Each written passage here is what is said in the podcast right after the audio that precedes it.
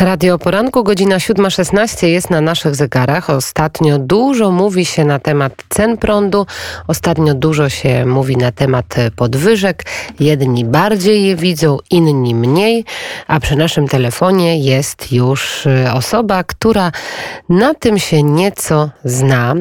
Pan poseł Janusz Kowalski, były wiceminister aktywów państwowych Solidarna Polska. Dzień dobry, panie ministrze. Dzień dobry, witam serdecznie, również witam o poranku. Tak, 7.16 to jest rzeczywiście e, poranek, piękny dzień przed nami. Panie pośle, wiemy, że strategia energetyczna mm, do 2040 roku, tak zwany dokument Polityka Energetyczna Polski, wyciekł do sieci, nie został jeszcze opublikowany. Jak pan uważa, dlaczego? No to jest ciekawe pytanie, bo rzeczywiście ten dokument został przyjęty przez rząd y, pięć tygodni temu i w ramach Zjednoczonej Prawicy, gdzie 90% spraw nas łączy, realizujemy bardzo dobry program dla Polski. Robimy wszystko, żeby nie doprowadzić do tego, aby Platforma Połownia i PSL wróciło do władzy. Kwestia dotycząca transformacji energetycznej jest tym obszarem, w którym mamy odmienne zdanie i w którym mądrze ze sobą dyskutujemy. I rzeczywiście, jeżeli chodzi chodzi o politykę energetyczną, to nasi ministrowie, pan minister Zbigniew Ziobro i pan minister Michał Wójcik wyrazili szereg wątpliwości i pytań dotyczących zasadniczego kierunku. Kierunku opartego o dane, które w naszym odczuciu są danymi w istocie potwierdzającymi tezę, że zmierzamy w kierunku jednak ograniczenia suwerenności energetycznej, a więc importu energii elektrycznej, a więc importu gazu, w tym gazu rosyjskiego i takiego drastycznego drastycznego, ideologicznego odejścia od własnych zasobów, czyli węgla kamiennego i węgla brunatnego. I być może mm, te nasze wątpliwości, które w istocie dotyczą również danych zawartych w tym dokumencie, a w naszej ocenie, w mojej ocenie te dane są po prostu niewłaściwe. Niewłaściwy jest punkt wyjścia. Chociażby prognoza zużycia gazu na najbliższe lata jest drastycznie zaniżona.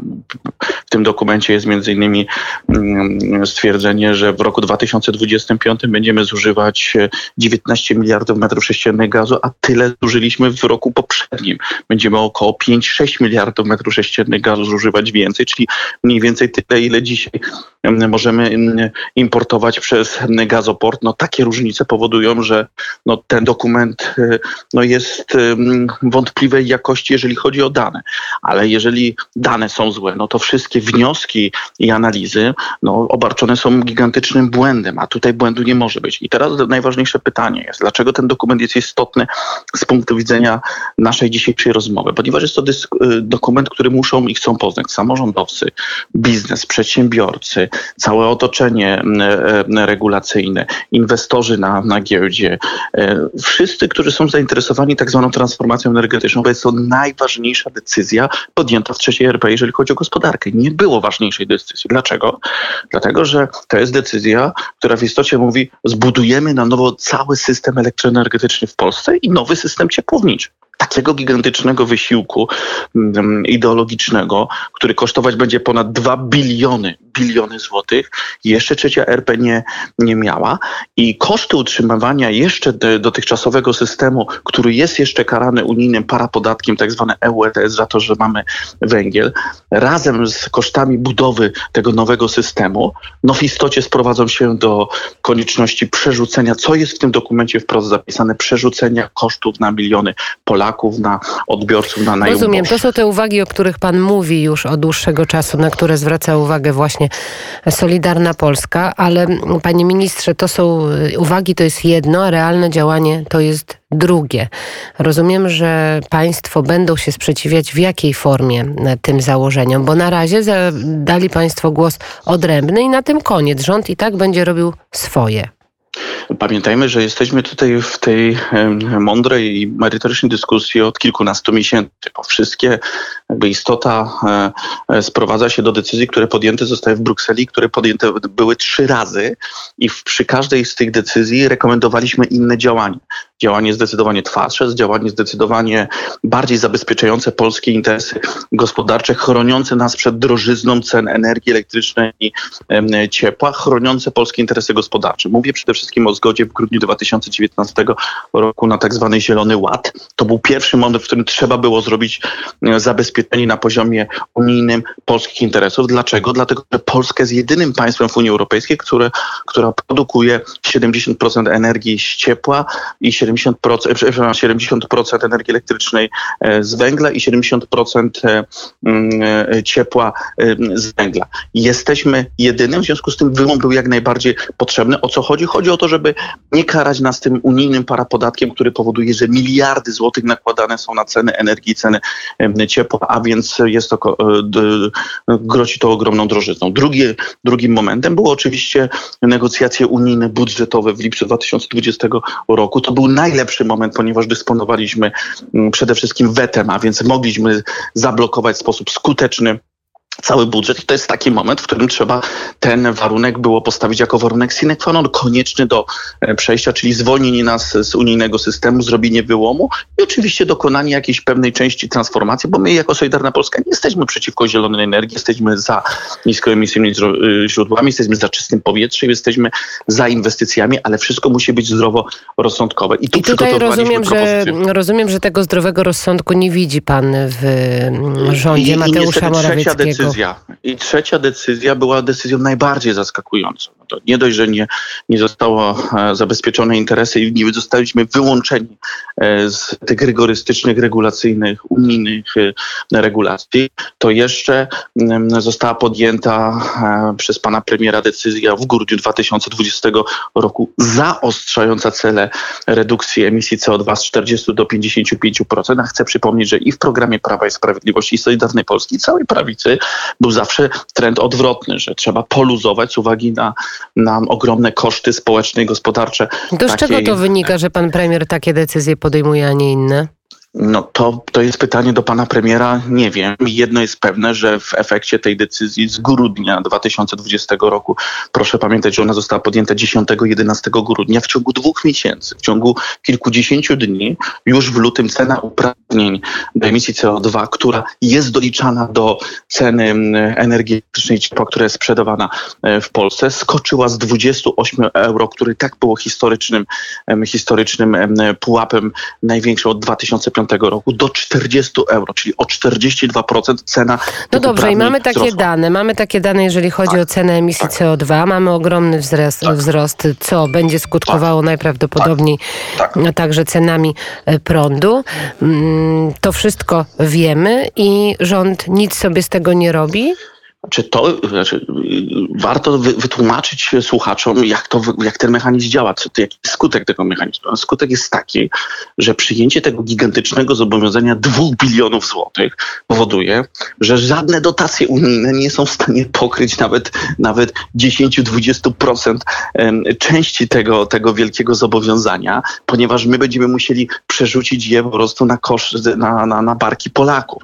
I em, em, dzisiaj no, trudno mówić o jakiejkolwiek e, e, innym e, scenariuszu, jak po prostu próba przerzucenia tego na miliony Polaków, Rozumiem. z czym właśnie Solidarna Polska się nie zgadza Państwo i dlatego się... chcemy, żebyśmy negocjowali w najbliższych trzech miesiącach, bo jest jednak szansa negocjacyjna, ponieważ proszę pamiętać, że w lipcu 2020 roku przy okazji przyjęcia tak zwanego Funduszu Odbudowy przywódcy unijni zobowiązali się do wprowadzenia, i to jest też element krytyki przez Solidarną Polskę, wielu nowych podatków na szczeblu unijnym. Jednym z tych podatków jest zaostrzenie, a więc nie liberalizacja, zaostrzenie systemu emisji CO2, a więc po prostu Unia Europejska chce nałożyć na Polskę kolejne podatki, które spowodują wyciek miliardów euro do budżetu Unii Europejskiej po to, żeby finansować to jak pan, między innymi do, dotacje dla Polski. Tak, ocenia w takim razie działanie y, pana premiera Mateusza Morawieckiego w tym zakresie?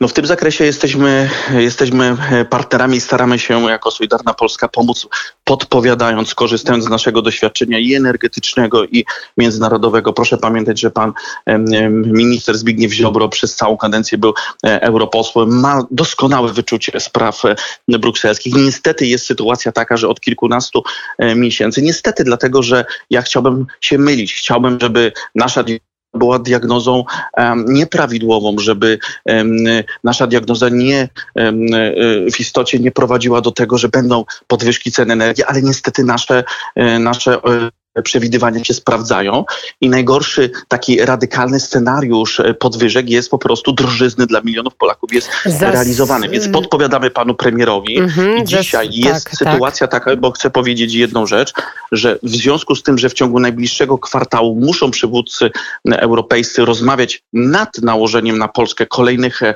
podatków, to jest ten moment, w którym możemy zablokować porozumienie budżetowe z lipca zeszłego roku. Możemy wynegocjować twardo nasze warunki, a więc to, żeby cena energii elektrycznej i ciepła spadła. Ja powiem jedną rzecz bardzo obrazową.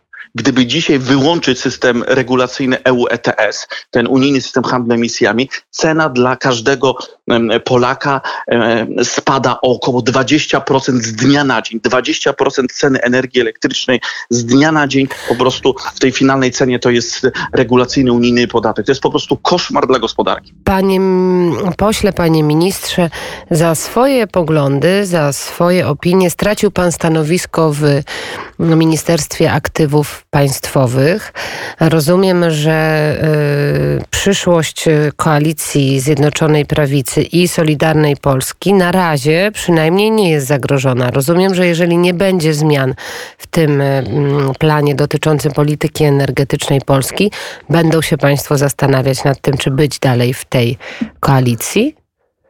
Jest sytuacja taka, że e, mamy dramatyczną, e, dramatyczną opozycję i nie ma żadnej alternatywy, bo to, co proponuje Szymon Hołownia, PSL, Platforma, ten pomysł na Polskę, to jest pomysł radykalnej prywatyzacji wszystkiego, co narodowe, radykalnego podporządkowania Warszawy, Brukseli i Berlinowi i Solidarna Polska ministra Zbigniewa Ziobro zrobi wszystko, żeby ta ekipa, która rządziła Polską w latach 2007-2015 nigdy do władzy nie wróciła. Z drugiej jednak strony e, jest jesteśmy takim strażnikiem programu e, Zjednoczonej Prawicy i jesteśmy w programie, realizujemy agendę, którą e, obiecaliśmy wyborcom. No i będziemy robić wszystko, aby e, pomagać rządowi, aby podejmować na szczeblu europejskim dobre decyzje, ponieważ każda zła decyzja no, będzie przekładała się na portfele E, Polaków i proszę mi wierzyć, że jeżeli nawet wynegocjowaliśmy e, kilkaset miliardów euro, to przy e, założeniu, że musimy wydać dwa biliony złotych, no to pokazuje, że ten wydatek, na który się zgodziliśmy, jest zdecydowanie większy, zdecydowanie większy niż pieniądze, które, które dostajemy. Z tym jeszcze trzeba pamiętać, jest taki raport Deutsche Bank i to bardzo dobrze akurat niemieckiego banku w tym przypadku cytować, który mówi, żeby E, jeżeli ma być uczciwa dyskusja, to trzeba sobie jasno powiedzieć, że każde euro wydane na tak zwaną politykę klimatyczną, która w tym rozumieniu niemieckim nie ma nic wspólnego z ochroną środowiska, tylko jest to realizacja niemieckiej agendy, aby Niemcy były miejscem do handlu gazem w Europie, a więc po prostu, żeby Polsce sprzedawały gaz Nord Streamu i żeby sprzedawały technologie odnawialne źródeł energii swoich e, firm. Każde euro wydane na taką politykę klimatyczną to jest euro, które nie jest wydane na zdrowie, na bezpieczeństwo, na infrastrukturę, na samorządy. I niestety w polityce energetycznej e, rząd, e, Polski do roku 2040 również to jest zapisane. Jest zapisane, że 80 miliardów e, złotych zostanie zabrane na politykę klimatyczną i wpisane w Fundusz Spójności, w tradycyjny budżet, który był przekazywany Panie przede pośle, wszystkim samorządom. Był pan wczoraj, wiem, na Śląsku, rozmawiał pan też z górnikami, na pewno ma pan kontakt z górnikami. Co oni sądzą na temat tego planu dotyczącego energetyki do 2040 roku? Ja zachęcam każdego polityka, żeby rzeczywiście spotkał się z górnikami, spotkał się z mieszkańcami Śląska, Lubelskiego, Wielkopolski, Łódzkiego czy Dolnośląskiego województwa. Dlaczego? Bo pamiętajmy, że każde miejsce pracy w górnictwie, w elektroenergetyce to, są, to jest 5-6 miejsc pracy w firmach około górniczych, około energetycznych. Więc Będą strajkować, tak... panie pośle? No ja mam nadzieję, że e, doprowadzimy do sytuacji, w której będzie realne porozumienie, które spowoduje, że na poziomie Unii Europejskiej wywalczymy wyłom od tych regulacji, które doprowadzą do gigantycznego wzrostu ubóstwa e, milionów Polaków i gigantycznego wzrostu cen Czyli energii główne założenie, i bezrobocia. Tak, rozumiem, że główne założenie to jest e, rezygnacja z podatku związanego z emisją CO2 i to poprawi... To jest najważniejsza kwestia. I to najważniejszą poprawi kwestią ceny tak. prądu w Polsce, tak? To przede wszystkim, to przede wszystkim poprawi konkurencyjność polskiej gospodarki, bo proszę pamiętać i proszę zważyć, że jesteśmy w okresie koronawirusa. E, tysiące, setki tysięcy przedsiębiorców walczy o przeżycie. Jeżeli my dzisiaj zwiększamy ceny energii i ciepła i doprowadzamy do obniżenia konkurencyjności gospodarki, bo jest mnóstwo przedsiębiorstw, gdzie cena ciepła i energii jest kluczowym czynnikiem konkurencyjności na rynkach zewnętrznych, no to sytuacją sami sobie podcinamy gałąź, na której siedzimy. E, czyli zwiększamy podatek, wprowadzamy taki podatek energetyczny. Czyli ja mogę w ogóle powiedzieć, że transformacja energetyczna jest takim podatkiem nałożonym najdroższym ze wszystkich dotychczasowych podatków w trzeciej RP, nałożonych na polską gospodarkę i miliony Polaków, podatkiem ideologicznym, za który zapłacą nawet nie mieszkańcy dużych miast, którzy najgłośniej za tym optują, ale przede wszystkim zapłaci elektorat Prawa i Sprawiedliwości, a więc mieszkańcy wsi, małych i średnich e, miasteczek i osoby o najniższych dochodach. I teraz jest pytanie, czy Zjednoczona Prawica chce swoim wyborcom podwyższać ceny energii ciepła tak, aby w 2023 roku nie zagłosowali na ten dobry program dla Polski, który w 90% pozostałych spraw realizujemy. Jestem przekonany, że tutaj trzeba dokonać korekty i twardo w Brukseli walczyć o polskie stanowisko. I ostatnie pytanie. Tak, jest to możliwe. I, I, ostatnie pytanie. Została powołana kilka dni temu Rada Doradców Politycznych. Czy ktoś z Solidarnej Polski, przy premierze oczywiście Mateuszu Morawieckim, czy ktoś z Solidarnej Polski w, tę, e, w ten skład wchodzi? Tam wchodzą w skład tej e, rady, wchodzą e, przedstawiciele największej partii, naszych przyjaciół z Prawa i Sprawiedliwości. Życzę Polski wszystkim, nie. Życzę wszystkim oczywiście posłom, którzy wchodzą w skład tej rady jak najlepszego radzenia i jestem przekonany, że w składzie tej rady jest bardzo wielu polityków, którzy dokładnie myślą w taki sam sposób, jak dzisiaj wyrażałem poglądy dotyczące transformacji energetycznej i myślę, że doradzą panu e, premierowi właśnie to, że trzeba tej korekty na kursie brukselskim dokonać i twardo wynegocjować dla Polski zejście z tego parapodatku unijnego, tak żeby polska gospodarka nie była masakrowana unijnymi regulacjami. I tu pan premier ma pełne wsparcie Solidarnej I Polski. I na pewno ma wsparcie Krzysztofa Tchórzewskiego, byłego ministra energii, który będzie z wielkim szacunkiem do pana, pana ministra się Po e, godzinie 8.30. Teraz już bardzo dziękuję. Pan. A, a jeszcze na koniec zadam panu pytanie. Mm, chciałby pan wrócić do rządu? Panie, panie redaktor, dzisiaj dla mnie najważniejszą kwestią jest to, żeby ta e, korekta transformacji energetycznej została dokonana. To naprawdę nie chodzi o personalia, tu chodzi o sprawy dzisiaj. Spotykam się z górnikami, energetykami, spotykam się w ciepłowniach, mam mandat poselski i, I tak wszystko, aby walczy. wspierać rząd Dobrze. Zjednoczonej Prawicy w silnej, e, w silnej negocjacji. Dziękuję bardzo za rozmowę. Pan Janusz Kowalski, były minister aktywów państwowych, dziś poseł Solidarna Polska. Dziękuję i pięknego, słonecznego dnia życzę. Ja też radiosłuchaczom wszystkiego najlepszego. Dziękuję Wszystkiego uprzejmie. dobrego, a my dzisiaj także słuchamy dużo muzyki i taki jest australijski zespół, który się nazywa e, Tame Impala i my będziemy dzisiaj z nim też.